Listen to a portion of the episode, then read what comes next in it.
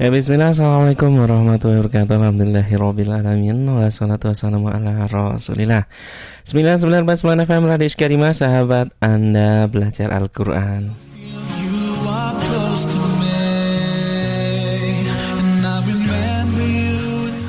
Ya saudara di mana pun Anda berada Senang sekali saya saya di kesempatan malam hari ini ya bisa kembali menyapa sahabat kalian semua di program kesayangan kita yang sudah kita tunggu-tunggu tentunya.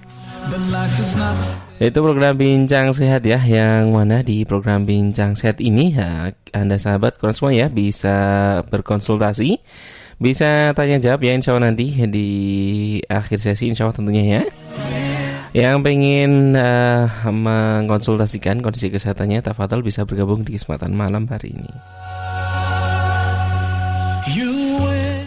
Ya di edisi hari ini di hari Rabu di tanggal 19 Jumadil akhir 1443 yang mana juga bertepatan ya dengan tanggal 12 Januari tahun 2022 Masehi. Ya menurutkan saya Said ya yang akan menemani sahabat dan semua tentunya satu jam ke depan insya Allah ya.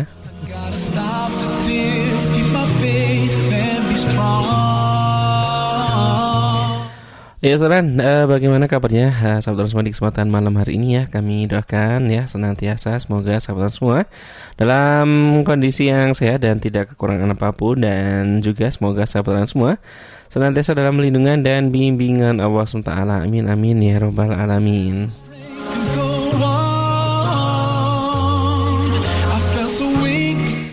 Ya dan mungkin ya bila mana ada dari sahabat semua yang tengah sakit ya kami doakan semoga diberi kesembuhan. Dan mungkin ya bisa bergabung dengan kami di kesempatan malam hari ini mungkin dengan wasilah ya. Mengikuti program kami di kesempatan malam hari ini ya bisa menemukan uh, obat ya yang cocok seperti itu. Dan tentunya uh, semoga sakitnya tadi bisa segera tersembuhkan ya. Amin amin ya rabbal alamin.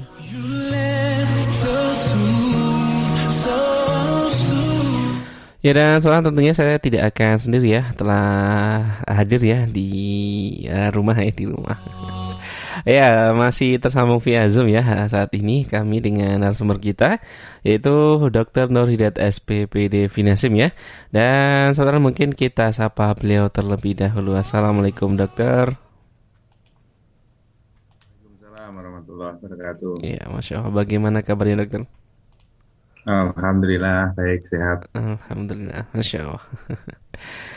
ya, uh, alhamdulillah bisa berjumpa kembali dokter G, meskipun masih via zoom ya. ini. uh, keluarga sehat semua dokter. Alhamdulillah. Alhamdulillah. Ya. ya. Ya dan apa dokter di kesempatan malam hari ini kita mau bahas apa ini dok? Ya mungkin anu karena kemarin masih banyak pertanyaan hmm. tentang osteoporosis ya kita ya. Lanjut lanjutkan lagi. sedikit lagi mungkin ya tentang ya. osteoporosis ya. Ya dan saudara seperti yang eh, beliau barusan sampaikan ya Insya Allah di kesempatan malam hari ini kita masih melanjutkan pembahasan seputar uh, osteoporosis nih dok ya Halo Assalamualaikum Ya, ya Insya Allah kita masih melanjutkan ya, seputar tema itu ya. Dan monggo yang mungkin punya pertanyaan ya seputar osteoporosis atau mungkin uh, problem seputar tulang lainnya yang ingin disampaikan ya. Uh, tidak sesuai tema tidak masalah monggo insya Allah nanti kami jawab sebisa kami dan seperti biasa yang pengen gabung langsung saja telepon di 0271 6980010 sekali lagi di 0271 6980010 atau bisa juga di 081229888614 sekali lagi di 081229888614 dan yang pengen gabung via YouTube ya ataupun juga di Facebook tafadhol kami persilakan bisa langsung mengunjungi streaming kami baik yang ada di Facebook dan YouTube sama di akunnya di Radio Iskarima. Tafadhol bisa dipilih salah satu dan dituliskan ya nah, pertanyaannya di kolom komentar atau pengen konsultasi tafadhol dituliskan juga yang ingin disampaikan seperti itu kami persilahkan. Ya dan dokter uh, kami mungkin langsung saja kami persilahkan waktu secukupnya untuk memulai ya pembahasan kembali ya sedikit mengulang mungkin dokter seputar osteoporosis yang sudah sempat kita bahas sebelumnya. Tafadhal dokter. Ya, terima kasih. Assalamualaikum warahmatullahi wabarakatuh. Waalaikumsalam warahmatullahi wabarakatuh. Sahabat Quran yang dirahmati Allah, Alhamdulillah pada malam hari ini kita masih dipertemukan oleh Allah dalam acara Bincang Sehat di uh, radio kesayangan kita, Iskarima FM 99.9 dan uh, kita insya Allah akan uh, masih melanjutkan uh, pembahasan mengenai uh, osteoporosis ya. Uh, dan uh, kita akan uh, fokus pada bagaimana kita menemukan oh di lapangan uh, di di apa uh, artinya pasien-pasien seperti hmm, apa hmm. yang di yang dicurigai atau uh, bagaimana kita mendapati pasien itu sebagai uh, osteoporosis. Nah, tentunya uh, di bidang medis uh, untuk mendeteksi atau untuk mendapatkan atau untuk mendiagnosis suatu penyakit mesti diawali dari anamnesis. Anamnesis itu pengumpulan uh, data. Mm. Ya. Di anamnesis ini mengumpulkan data ini memegang peranan penting pada uh, diagnosis maupun evaluasi uh, penderita osteoporosis. Kadang-kadang uh, keluhan utama atau apa yang dirasakan oleh uh, pasien itu uh, mengarah kepada uh, sudah mengarah kepada diagnosis osteoporosis. Misalkan uh, adanya uh, fraktur atau patah uh, kolum femoris. Nah, kolum hmm. femoris itu pangkal paha. Ya kan? Oh, uh, pada usia lanjut uh, jatuh tidak seberapa dikatakan oh patah tulang ternyata. Jatuhnya tidak seberapa. Kita sudah sudah sudah mengarah itu. Hmm. ini uh, mesti berkaitan dengan osteoporosis. Ya karena uh, dengan trauma yang uh, kecil atau yang ringan sudah menyebabkan uh, fraktur. Hmm. ya.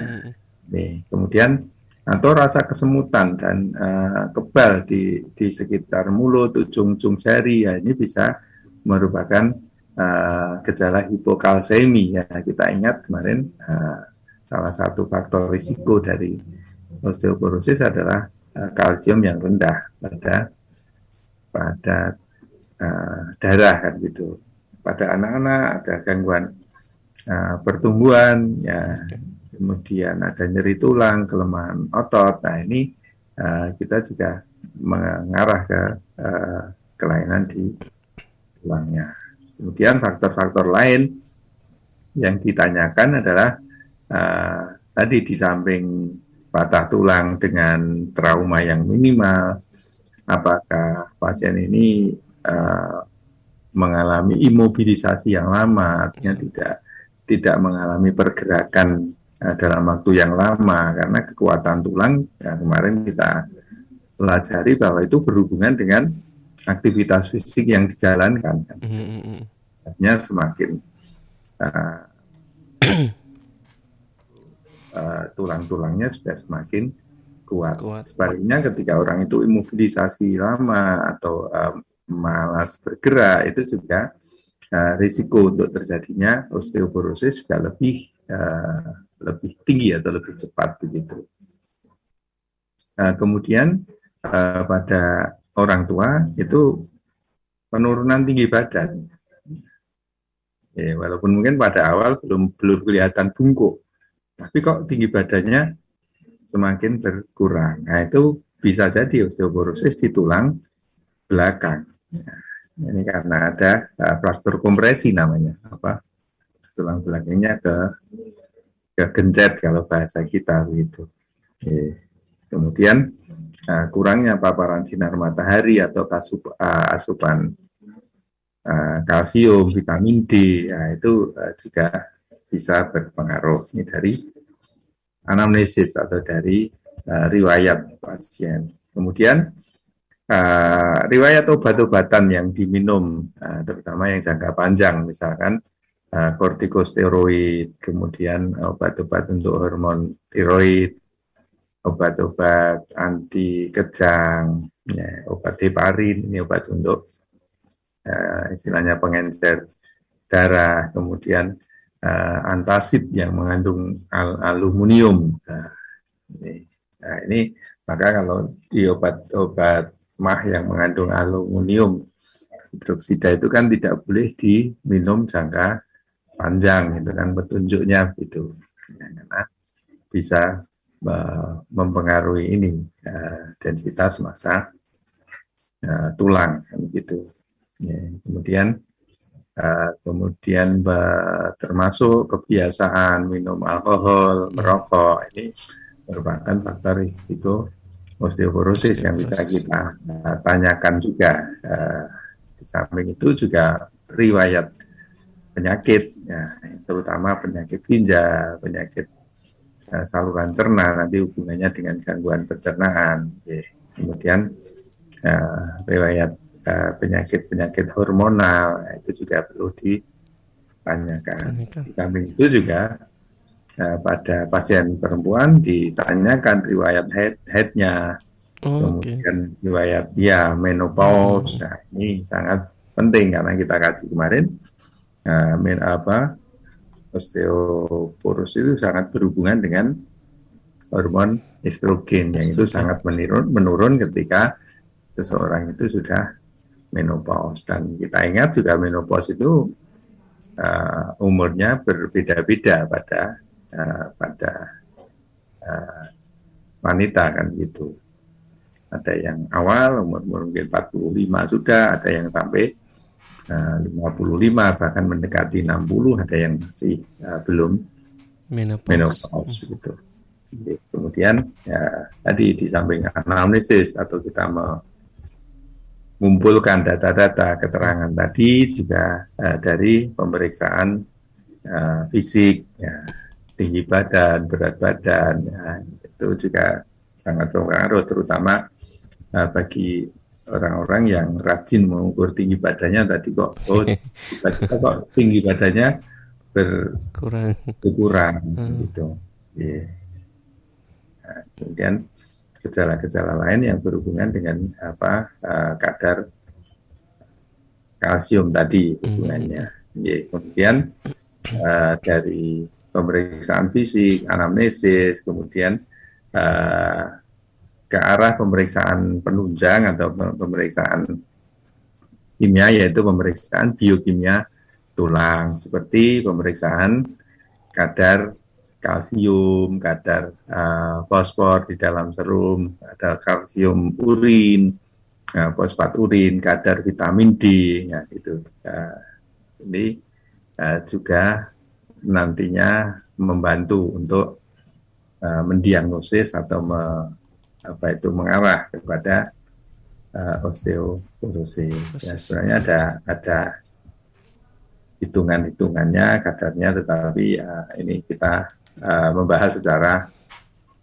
umum, saja. Ya. Artinya kadar-kadar uh, itu semacam vitamin D, kalsium, fosfor dan mineral-mineral uh, di dalam atau ion di dalam uh, tubuh kita itu perlu di uh, lakukan pemeriksaan. Di samping itu uh, juga pemeriksaan radiologi, ya, pemeriksaan radiologi. Artinya seperti kemarin ada ada per, pertanyaan tetapi ber, berisi pernyataan gitu.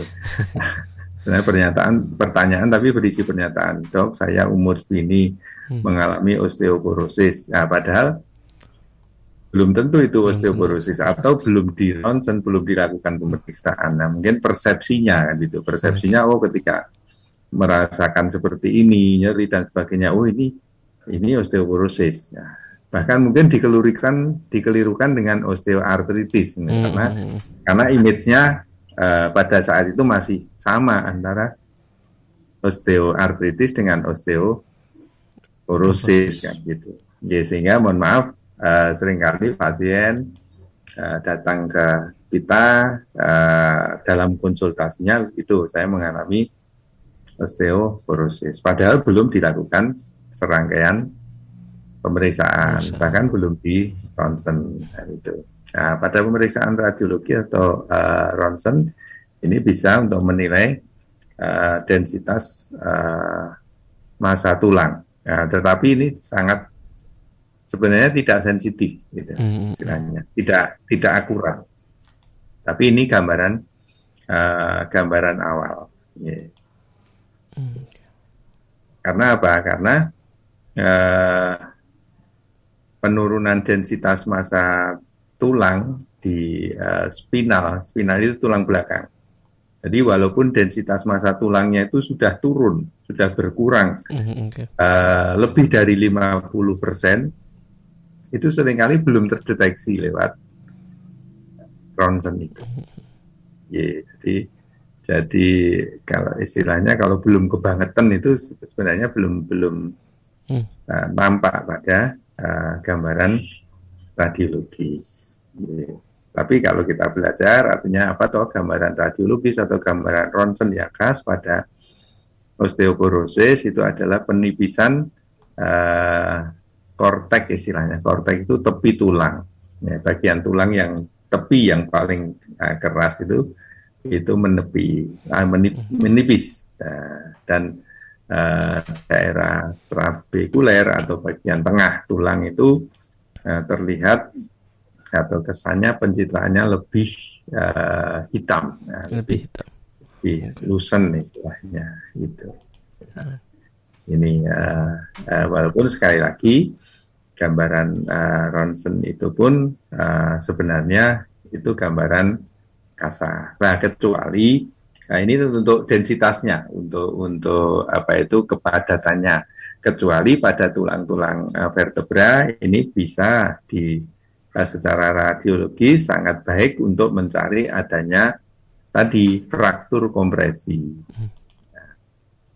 Jadi kalau kalau kepadatannya mungkin sulit, tetapi kalau di situ ada patah tulang, kompresi atau kegencet atau uh, tulang belakang yang uh, biasanya ber, berupa berbentuk tabung gitu, artinya uh, bulat panjang itu berbentuk seperti uh, jadi berbentuk seperti baji, ya, seperti baji, jadi segitiga. Karena satu sisinya sudah menipis sehingga runcing. Ya, bisa kita bayangkan ya bentuknya jadi kayak kayak baji, jadi kayak uh, segitiga. Itu. Nah, ini uh, kalau ini sangat sensitif uh, pada gambaran uh, ronsen karena ada ada perubahan bentuk. Ya, baik tadi istilahnya ke gencet atau kompresi atau uh, bahkan sudah uh, istilahnya separuh sisi itu menjadi runcing yang yang harusnya itu uh, berbentuk pipa memanjang gitu. Ya, sehingga bentuknya kalau dilihat dari foto samping seperti uh, segitiga atau seperti hmm. baji ya, atau ganjel gitu ya.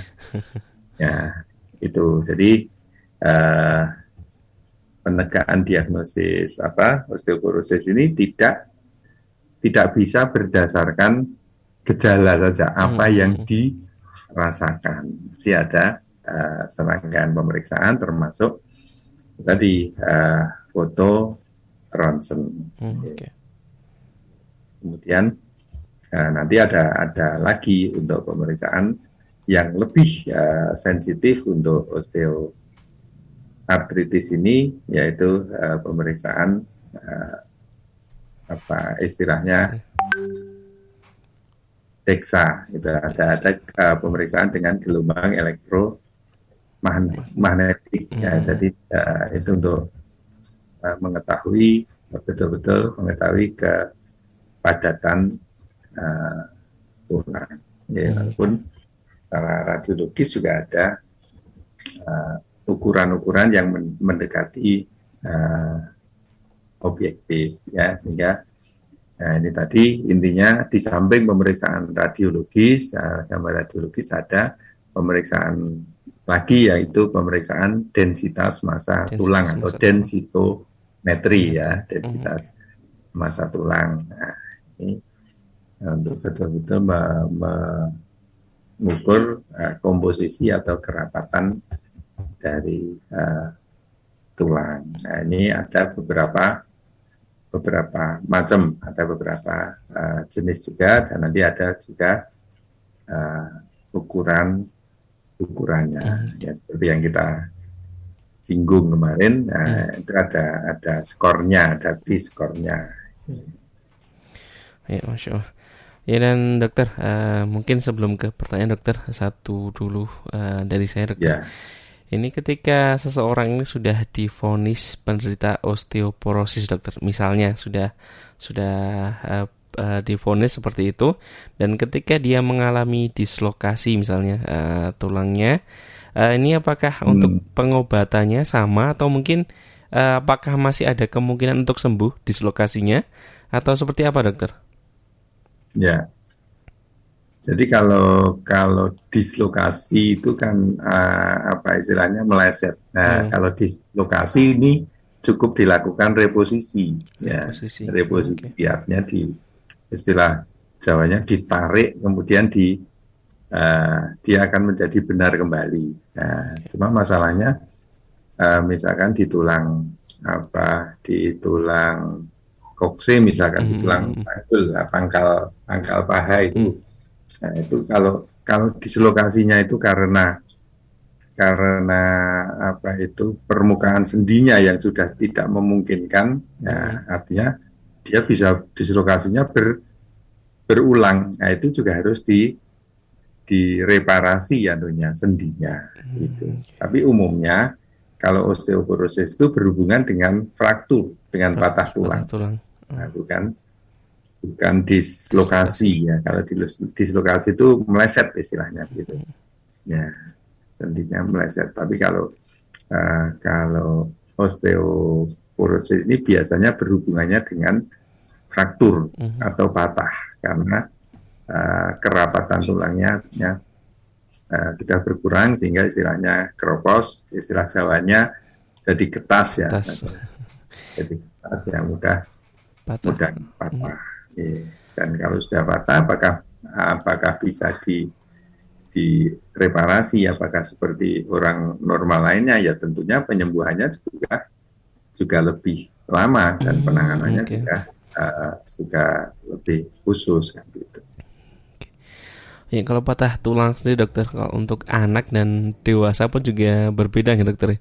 Untuk Sangat anak kan berbeda. kan makanya kemarin kita iya kemarin yeah. kita kita bahas bahwa uh, puncak dari uh, turnover atau per pembentukan tulang ya pun, puncaknya kan uh, di usia usia apa 20 sampai hmm. 29 tahun. Hmm.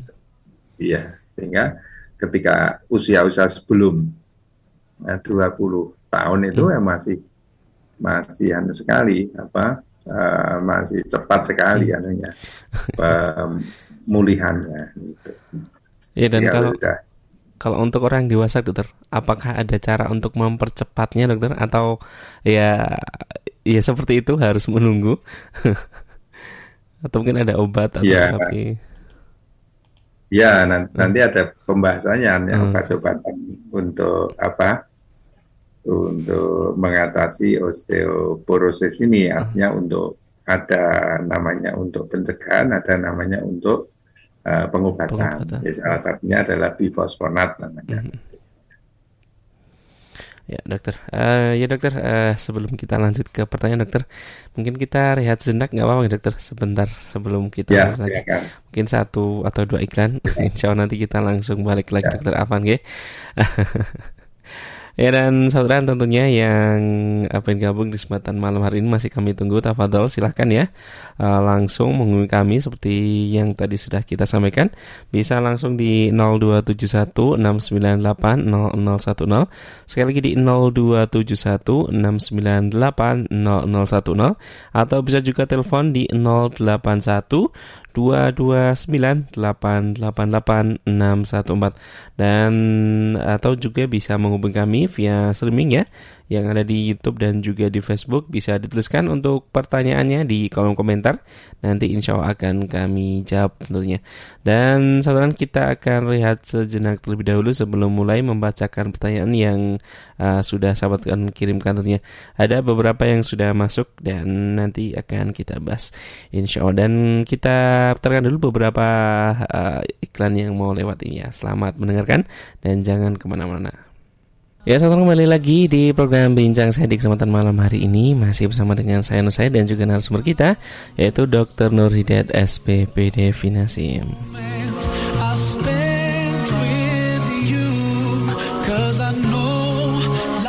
Ya dan sebelum uh, masuk ke pertanyaan ya uh, Kami ucapkan dulu Afan Zidan ya Untuk beberapa wilayah ya uh, Saat ini belum bisa mendengarkan siaran kami yang di Sukoharjo, kemudian di, Wonogiri dan beberapa wilayah di Klaten.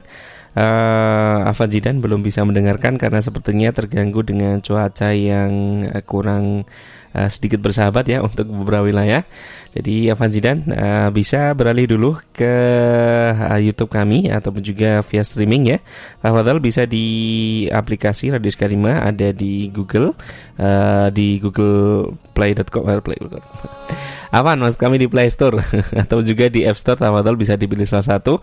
Atau mungkin uh, bisa juga mendengarkan via Radio Garden ya aplikasi yang ada di App Store dan juga di uh, Play Store. Bisa dipilih salah satu. Kemudian diinstal dan tinggal nanti mencari untuk Radio Karimanya ya. Atau yang pengen mendengarkan kesempatan malam hari ini ya via streaming bisa via uh, YouTube di Radio Skarima atau juga di Facebooknya di Radio Skarima Tafadhal bisa dipilih salah satu. Ya dan yang pengen gabung via uh, telepon ya bisa di 0271 6980010 atau bisa juga di 081 229 888 614. Ya dan seorang tanpa berpanjang lebar lagi mungkin langsung saja kita sambungkan kembali dengan Dr. Nur Hidayat ya dan kemudian insya Allah nanti kita mulai bacakan untuk pertanyaan yang sudah masuk di kesempatan malam hari ini. Oh ya, uh, assalamualaikum dokter, sudah tersambung kembali kah? Halo, assalamualaikum. Salam ya, ya, ya sudah tersambung kembali ya dan dokter mungkin kita langsung ke pertanyaan pertama di kesempatan malam hari ini dokter. Oke. Okay. ya dari Umuwati dokter di Karanganyar ini dokter. Assalamualaikum dok. Waalaikumsalam warahmatullahi wabarakatuh. Uh, suami saya umur 60 tahun ke atas dokter sering sakit tapi kalau malam saja dok dan giliran siang dia sehat keluhannya kalau malam badan sering sakit dan jika sudah dipijat di tempat yang sakit, uh, contoh misalnya seperti di punggung bagian belakang, uh, sudah dipijat, nanti sakitnya pindah dokter, uh, kadang ke betis atau kadang ke pinggang. Dan kalau kena angin badannya jadi meriang dan uh, suka keluar keringat dingin juga dokter. Itu sakit apa aja dokter ya? Suami saya suka sakit pinggang juga. Uh, izin tanya dokter, obat untuk sakit seperti ini apa dokter? Masya Allah, ini sakitnya banyak ya dokter ya. yeah. Ya, uh, masih ada pertanyaan enggak? Nanti barangkali mungkin apa uh, mirip-mirip uh, bisa di uh, okay. sekali. Di belakangnya dari Mas Upi di KWB dokter. Assalamualaikum dokter. Waalaikumsalam. Mau tanya nih dok, bagaimana caranya menjaga tulang belakang atau tulang-tulang yang lainnya yang baik, benar dan sehat dokter. Sebaiknya mengkonsumsi makanan atau minuman yang bagaimana dokter agar tetap sehat. Karena saya habis operasi tulang belakang dan alhamdulillah sudah membaik. Sukron. Operasinya dua tahun yang lalu, tepatnya 13 Januari 2020, dokter. Dari Mas Upi di KWB.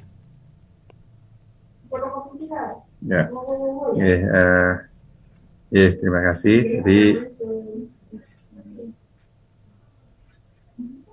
uh, coba kita gabung dari dua uh, pertanyaan tadi. Uh, kita mulai dari uh, pencegahannya dulu ya, hmm. pencegahannya nanti kemudian uh, apa uh, terapinya begitu kemudian tadi dia menanyakan ini sebenarnya fenomena apa kan gitu Ya, jadi uh, kita ulangi lagi. Jadi kalau osteoporosis itu teorinya kemarin uh, itu ada tidak seimbang antara kerja osteoklas dan osteoblas. Osteoklas ini uh, yaitu yang merombak tulang, osteoblas ini yang me membangun, hmm, okay. membentuk. Ya dalam keadaan normal antara osteoblas dan osteoklas ini seimbang. Artinya oh yang dipugar mana, yang di dirombak mana, yang dibangun kembali mana itu hmm. uh, itu normal. Tapi uh, dalam kondisi tertentu terjadi ketidakseimbangan ini, ya, artinya uh, osteoklasnya, ya, resorpsinya, pembongkarannya lebih aktif daripada uh, apa stimulator tulangnya atau yang membangun. Nah, ini jadi obat-obat uh, nantinya obat-obat untuk osteoporosis ini ya bagaimana cara menghambat kerja osteoklas atau me, me, apa itu uh, meningkatkan osteoblas atau yang membangun ini. Kemudian nanti ada obat-obat yang tidak berhubungan langsung dengan hmm. osteoblas dan osteoklas ini, tetapi uh, dia diperlukan untuk optimalisasi mineralisasi tulang itu seperti vitamin D, kalsium begitu. Ya, jadi jadi ini teori awalnya begitu. Nah, bagaimana kemudian uh, pencegahannya, hmm. edukasinya agar agar tetap uh, sehat gitu agar tetap sehat tetap tidak terjadi uh, osteoporosis. Yang pertama adalah uh, dianjurkan untuk melakukan aktivitas fisik. Aktivitas fisik. Ya, aktivitas fisik yang cukup, yang teratur untuk memelihara apa kekuatan, kelenturan, dan koordinasi sistem neuromuskuler serta kebugaran. Mm-hmm. Ya, maksudnya saya dulu pernah menyampaikan ketika terjadi osteoartritis itu tidak hanya tulangnya saja sebenarnya, tapi penyokong tulangnya. Maka kalau istilah medis neuromuskuler, muskuler, sarafnya, ototnya, tulangnya, begitu. Ya, sehingga kalau kebugarannya itu berkurang, ya tadi gambarannya orang Jawa bilang gampang masuk angin dikeju terutama kalau malam kalau siang nggak sehat kalau malam hmm. keju-keju tadi uh, gambarannya anu ya uh, rasanya kayak meriang kan hmm. itu jika keluar keringat dingin ada apa itu karena hmm. uh, secara umum namanya kebugarannya kurang hmm, okay. maka perlu tadi dilatih dengan uh, aktivitas fisik atau uh, latihan jasmani yang teratur untuk memelihara kekuatan, kelenturan, dan koordinasi sistem muskuler. Hmm. Koordinasi itu diperlukan untuk apa? Untuk, agar tidak tidak mudah jatuh. Ya, kita ingat kalau kalau uh, semakin apa bertambahnya usia itu risiko jatuhnya besar sekali. Okay. Dan kalau sudah jatuh risiko fraktur tadi. Maka latihan itu bukan kalau latihan yang berat, enggak. Latihan-latihan ringan, gerakan ringan, tapi tadi memperkuat otot, kemudian uh, melatih juga koordinasinya supaya tadi tidak mudah jatuh. Mohon maaf ketika jalan tidak ngeluyuri, tidak apa itu uh, ngewel kalau istilah Jawanya ya. seperti itu. Dan gambarannya tadi kebugarannya juga bagus, tidak mudah masuk angin dan sebagainya. Uh, sebagai ancer-ancer, uh, latihan itu dapat dilakukan meliputi berjalan, berjalan saja cukup, tidak usah lari tidak usah nah, berjalan. Nah, berjalan 30 sampai 60 menit. Okay. Setengah jam sampai satu satu jam. Nah, itu uh, apa uh, bisa dilakukan sekali atau akumulasi ya misalnya sehari paling tidak berjalan selama itu kan mm -hmm. gitu. Yeah. Ya, misalkan kita ke masjid kan gitu, ya, pilih jalan yang agak mungkin memutar, tapi dalam kondisi santai, ya, dengan Oke, yang kedua menjaga asupan kalsium. Nah, kebutuhan yang dianjurkan uh, 1000 sampai 1500 mg per hari baik melalui makanan atau uh, suplementasi. Ya, kemudian, kemudian tadi hindari uh, merokok dan minum alkohol. Ya. Saya yakin kalau pendengar Iskarima nah, tidak ini. Kemudian yang keempat uh, diagnosis uh, dini dan terapi, misalkan ada gangguan hormonal, gangguan testosteron pada laki-laki atau menopause awal pada wanita. Kemudian mengenali obat-obat tadi yang menimbulkan osteoporosis yang kita, kita sebutkan tadi. Hmm. Kemudian uh, kalau memang sudah ada faktor risikonya, ya jangan mengangkat barang-barang yang yang berat. Artinya hmm. jangan memaksakan diri, termasuk olahraga tadi uh, dengan barbel atau dengan apa yang pembebannya terlalu berat, nah itu malah tidak dianjurkan. Hmm. Yeah. Kemudian uh, selanjutnya menghindari berbagai hal yang menyebabkan jatuh atau terjatuh. Hmm. Misalkan lantai yang licin, kemudian hindari obat-obat tidur, kan begitu. Ya, hmm, hmm, artinya orang uh, orang uh, yang sudah usia lanjut itu sering kali problemnya sulit tidur. Tetapi ketika beliau wujud obat tidur pada malam hari, nah, bisa tidur, paginya obatnya itu sering kali masih berefek sehingga kewaspadaannya kurang. Ya, bisa tadi gluyuri ya hmm. bisa jatuh gitu. Kemudian nah, menghindari defisiensi vitamin D atau kekurangan vitamin D. Ya, terutama pada orang yang kurang uh, terpapar atau terkena sinar matahari. Ya, ini ini sangat penting. Ya, termasuk kemarin sudah kita bahas juga ini dan ada uh, beberapa hal yang perlu kita uh, perhatikan. Mm. Ya. Termasuk bagaimana latihannya, misalkan tadi oh, sehabis sehabis operasi kan itu. Nah, ini, ini sampai ke sana. Misalkan sehabis operasi, sehabis anu, rehabilitasinya bagaimana?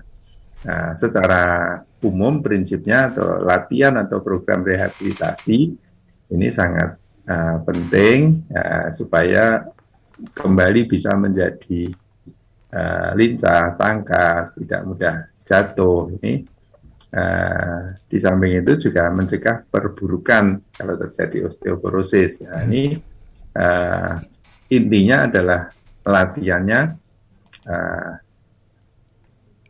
pada penderita yang belum mengalami osteoporosis, sifat latihan itu adalah pembebanan terhadap tulang, Oke, supaya tulangnya lebih kuat. Lebih kuat. Okay. Intinya begitu. Hmm. Artinya kalau habis operasi tapi itu belum atau bukan kasusnya bukan osteoporosis ya ya bertahap. Nanti dilatih dilatih pembebanan tetapi secara ber, bertahap. bertahap. Tidak boleh dipaksa. Nah, tetapi kalau sudah uh, osteoporosis penderita osteoporosis maka uh, latihannya dimulai dengan latihan tanpa beban. Ya Artinya latihan tanpa pembebanan, kemudian ditingkatkan secara gitu, sesuai dengan kemampuan. Ya, ya kadang-kadang uh, selain latihan juga dibutuhkan uh, alat bantu, ya misalkan korset kan gitu, kemudian ya dan lain-lain sesuai dengan dengan kondisinya. Hmm. Gitu ya. Kira-kira kan uh, apa uh, sudah mencakup apa berbagai uh, pertanyaan tadi. Dan ini juga uh, sekaligus menjawab pertanyaan yang dulu kelompok makanan apa saja yang yang mengandung banyak kalsium. Hmm. nah itu uh, kemarin kalau nggak salah ada pertanyaan semacam ini. Uh, kelompok bahan makanan yang uh, banyak mengandung kalsium itu oh, di urutan uh, huh? urutan produknya, urutan kandungan kalsiumnya ya yaitu uh, susu dan produknya. Ini hmm. baik susu sapi, susu kambing, apa susu manusia atau ASI keju, yogurt. Nah, itu uh, mengandung uh, kalsium yang tinggi. Sebagai gambaran uh, per uh, uh, apa itu per 100 gram bahan. Nah, per 100 gram bahan ini akan didapatkan uh, kadar kalsium. Nah, kita ambil contoh uh, susu sapi hmm. itu 116 uh, miligram per 100 gram bahan uh, susu. Hmm. Ya. 116 hmm, hmm. ya susu sapi. Kalau susu kambing itu lebih tinggi 129. Hmm, okay. 129 uh, miligram. Ya, susu manusia ini lebih tinggi lebih apa rendah yaitu 33 oh, oh, miligram. Yang paling tinggi adalah uh, keju. Ya, hmm. Keju itu kisarannya antara 90 sampai 1180 ya tergantung kualitas kejunya mestinya gitu. Yeah. Yogurt ya ini uh, 150 miligram. Mm, okay. uh, yang uh, kelompok yang kedua yang termasuk tinggi uh, bahkan lebih tinggi dari kelompok susu itu ikan. Ikan dokter. Ya oh. ikan. Ini disebutkan di daftarnya teri, nah, teri yang kering itu 1200 uh, miligram per 100 gram bahannya. Ya, lebih tinggi dari dari susu tadi. Uh, kemudian uh, rebon, uh, jadi segar, sarden itu juga tinggi. Kelompok sayuran, ya kelompok sayuran yang tinggi uh, kalsium itu daun pepaya, bayam, sawi, brokoli. Nah, hmm. ini uh, kisarannya rata-rata antara 300 sampai 250 uh, miligram per 100 gramnya. Kemudian tentunya juga kacang-kacangan. Ya. Kacang-kacang, kedelai, ya, tahu tempe itu juga tinggi kalsium. Nah, ini sehingga uh, kalau kita mengkonsumsi itu saja sebenarnya cukup kecuali pada kondisi-kondisi uh, tadi sakit dan sebagainya ya perlu uh, suplementasi mungkin dari obat-obat uh, yang mengandung kalsium. kalsium. Mm-hmm. Ya. Ya, masya Allah. Itu saya yang kita sampaikan. Oke. Okay. Iya dokter dan ke tadi jawabannya ya untuk Umu Wati dan juga Mas Upi yang ada di KWB ya. Jazakumullah khair sudah bergabung kesempatan malam hari ini. Ya dan dokter mungkin satu pertanyaan lagi boleh dokter? Boleh boleh hmm, ya. Okay. Ya, dari ya, Mas... tadi uh, pasti kita kita tambahkan sedikit okay. tadi bagaimana cara menjaga agar uh, tulang yang tetap baik dan benar ya di samping tadi kita mengulang yang masalah uh, yang pelajaran yang dulu istilahnya ketika kita bekerja ya diusahakan betul suasananya atau anunya uh, posisinya hmm. ergonomis kan gitu. Hmm. Ergonomis itu ya ya se sepas mungkin terhadap uh, tulang kita. Hmm.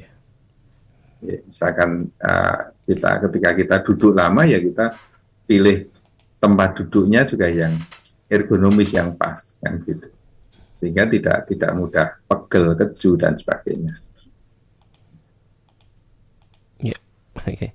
Tadi Mas Upi ya yang di KWB jadi mungkin posisinya kalau pas bekerja dan uh, mungkin ya, pas makan ya. dibenahi ya jadi untuk meluruskan tulang tulang punggungnya atau mungkin ketika bekerja ambil break uh, untuk peregangan tulang ya agar tulangnya dan sendi-sendinya ya. kembali ke posisi awal seperti itu. Ya, artinya pembebannya pembebanannya disesuaikan dengan kondisinya. Oh, ya.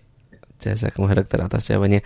Ya dan ke satu lagi nih dokter, nggak apa-apa ya? Ya, ya dari Mas Ahmad di Karangnya dokter. Assalamualaikum warahmatullahi wabarakatuh. Waalaikumsalam warahmatullahi wabarakatuh. Waalaikumsalam. Uh, selamat malam Dok Nur. Tiga hari ini saya sakit gigi. Sudah ke klinik dan diberi obat penghilang nyeri dan sekarang masuk ke hari keempat dokter. Tapi masih ada rasa sakit meski tak sesakit sebelumnya. Baiknya apakah minta obat yang lain atau hanya minta penghilang nyeri lagi dokter? Jazakumullah khair. Ya. Ya, terima kasih. Jadi uh, kalau sakit gigi atau giginya nyeri itu ya mestinya uh, dilihat hmm. apa penyebab nyerinya itu apa. Hmm, okay. Penyebab nyerinya itu apa. Ya misalkan uh, ini uh, karena gigi berlubang misalkan, ya mestinya program dari gigi berlubang itu dilanjutkan. Artinya, hmm. artinya mohon maaf pengobatannya tidak hanya kan tidak hanya mengurangi nyerinya saja kan gitu. Nah, mungkin. programnya iya nanti mungkin. nanti berlanjut. Sampai ini oh mau di mau diapakan kan? Ya gigi yang berlubang ini gitu. Hmm. ya artinya uh, kalau uh, sudah menimbulkan uh, nyeri itu kan berarti ada sudah kena bagian uh, sarafnya Tidaknya berlubangnya cukup dalam dan, dan bisa juga ya, bahkan itu sudah uh, kena ke gusinya misalkan atau hmm. penyangga penyangga giginya ada ada enggak infeksi di situ. Ya, jadi uh, apa uh, mesti dituntaskan gitu. Artinya hmm. kalau ini sudah hari keempat masih nyeri tapi kok uh, nyerinya sudah berkurang ya kan artinya hmm. itu perkembangan perkembangan baik ya tetapi kan perlu di uh, tadi kita ulangi perlu dituntaskan apa kira-kira penyebabnya kalau hmm. penyebabnya misalkan kalau gigi berlubang dan ternyata terinfeksi ya mestinya obatnya tidak hanya untuk mengurangi rasa sakit saja tapi hmm. juga perlu anti biotik kan hmm. gitu jadi ya, uh, ya kita sarankan ya uh, sebaiknya tetap berkonsultasi lagi dengan hmm. dengan dokter gigi yang hmm. gitu terus program selanjutnya apa itu kan dituntaskan ya dan untuk ke yang ini mungkin dokter ada sekalian nggak apa-apa dokter sedikit lagi. Iya, kan ada yang uh, umur 20 mungkin atau juga 25, ada yang mungkin sampai umur 30 tahun juga.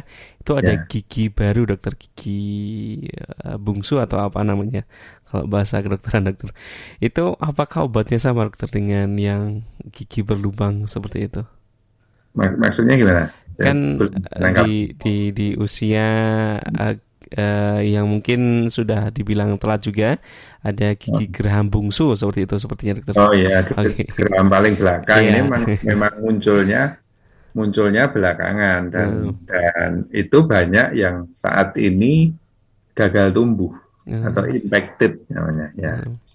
Yeah, impacted atau atau dia tidak bisa uh, tumbuh artinya giginya tidak muncul ke permukaan. Yeah. Dan, nah, kalau gagal tumbuhnya itu uh, posisinya pas nggak apa-apa. Uh. Tapi tapi gagal tumbuhnya ini kalau posisinya miring sehingga dia mendesak gigi yang di depannya. depannya. Uh. Ya, kalau berjajar kan uh, ke atas semua hmm. atau yang gigi atas ke bawah gitu hmm. kan rapi. Hmm. Ini miring. Oh, jadi okay. jadi apa horizontal. Jadi kan mendesak gigi yang Depannya. yang sekitarnya. Ya sehingga kasus nyeri kepala itu sering kali dari gigi yang mengalami impaksi ini atau impaksi. atau impacted atau tidak tumbuh nyeri memang nyeri ya hmm. samping nyeri lokal di giginya itu di gusinya kadang-kadang tadi nyeri kepala yang tidak karuan jeluntrungnya sudah diobati ya sembuh setelah di di foto ronsen uh, panoramik atau PGO ternyata gigi masalah impaksi gigi ya. Hmm, okay. yeah. Mengapa timbul seperti itu ya karena uh, ada teori karena pola makannya orang sekarang berbeda dengan yang dulu. Mm-hmm. Dulu tantangannya lebih keras, jangan makan makan tebu atau menguncai tebu itu dengan gigi kan gitu. Nah, uh, dondong dan sebagainya. Orang-orang dulu kan giginya lebih lebih kuat ya dokter. Lebih kuat dan dan uh, molar tiga istilahnya gigi yang belakang itu ya uh, mereka pada muncul semua. Nah, kalau kita kan enggak ya, banyak yang ngumpet banyak yang impacted gitu. Okay. Yeah. Ya, sure. Dan untuk obatnya jadi berbeda dokter ya untuk yang tadi. Iya, ya, tentunya penanganannya maka maka uh, tadi itu juga bisa menimbulkan rasa nyeri. Mm. Artinya uh, berlubang juga bisa menimbulkan rasa nyeri atau infeksi di uh, apa itu gusinya di samping-samping gigi itu juga menimbulkan rasa nyeri kan hmm. gitu. Ya, simptomatiknya kalau kita menghilangkan nyeri obatnya sama, tetapi penanganan ya, kasusnya secara uh, tuntas kan berbeda masing-masing. Okay. Iya, maka ada namanya obat itu obat simptomatik hanya me menghilangkan Nyeri. gejala ya ada obat atau terapi pengobatan kausatif kausanya apa artinya ada yang oh ini uh, memang berlubang sering sering terinfeksi tetapi dicabut tidak berani. Ya sudah konsekuensinya akan uh, sering atau berulang nyerinya berulang gitu. Ya artinya selagi itu belum dicabut ya masih seperti itu. Kalau hmm. sudah dicabut ya insya Allah sudah, sudah hilang. Ya minimal di gigi itu kan itu kalau gigi yang lain nggak tahu kan. Gigi yang itu sudah tidak menimbulkan rasa sakit. lagi. Okay. ya ya. dan umumnya ya, orang kan misalkan diganti kan uh, maunya yang asli tetapi kalau gigi diganti yang palsu pun mereka menerima biasanya Oke, ya masya Allah. Ya itu tadi jawabnya untuk Mas Ahmad yang tadi karena sudah uh, bergabung jazakumullah khair dan uh, coba ditanyakan kembali ke dokter gigi ya itu ya, ya, untuk penanganannya lebih lanjut seperti apa ya. Dan ya uh, jazakumullah khair juga untuk dokter Nur yang sudah berkenan untuk menemani kami di kesempatan malam hari ini. Uh, kami doakan semoga Dr. Nur senantiasa diberi kesehatan dan juga kelonggaran waktu agar amin. bisa terus membersamai kita tentunya amin amin ya robbal alamin. Ya dan Dr. Nur karena sudah di jam 9 lewat 10 ini waktunya kita untuk pamit undur diri dari ruang dengan sahabat Quran semua dan sekali lagi jazakumullah ya dokter. dan semoga bisa berjumpa kembali di pekan depan. Amin amin ya robbal alamin. Dan saudara, uh, kita cukupkan dulu perjumpaan kita di kesempatan malam hari ini. Akhirnya saya Nur Said yang bertugas mewakili segenap kru Karima dan juga mewakili Dr. Nur Hidat SPP Devi Nasim pamit undur diri dari ruang dengar sahabat Quran semua.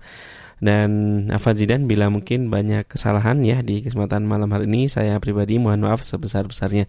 Kita tutup dengan hamdalah dan doa kafaratul majelis. Alhamdulillahirabbil alamin. Subhanakallahumma wa bihamdika asyhadu alla ilaha illa anta astaghfiruka wa atubu ilaik. Wassalamualaikum warahmatullahi wabarakatuh.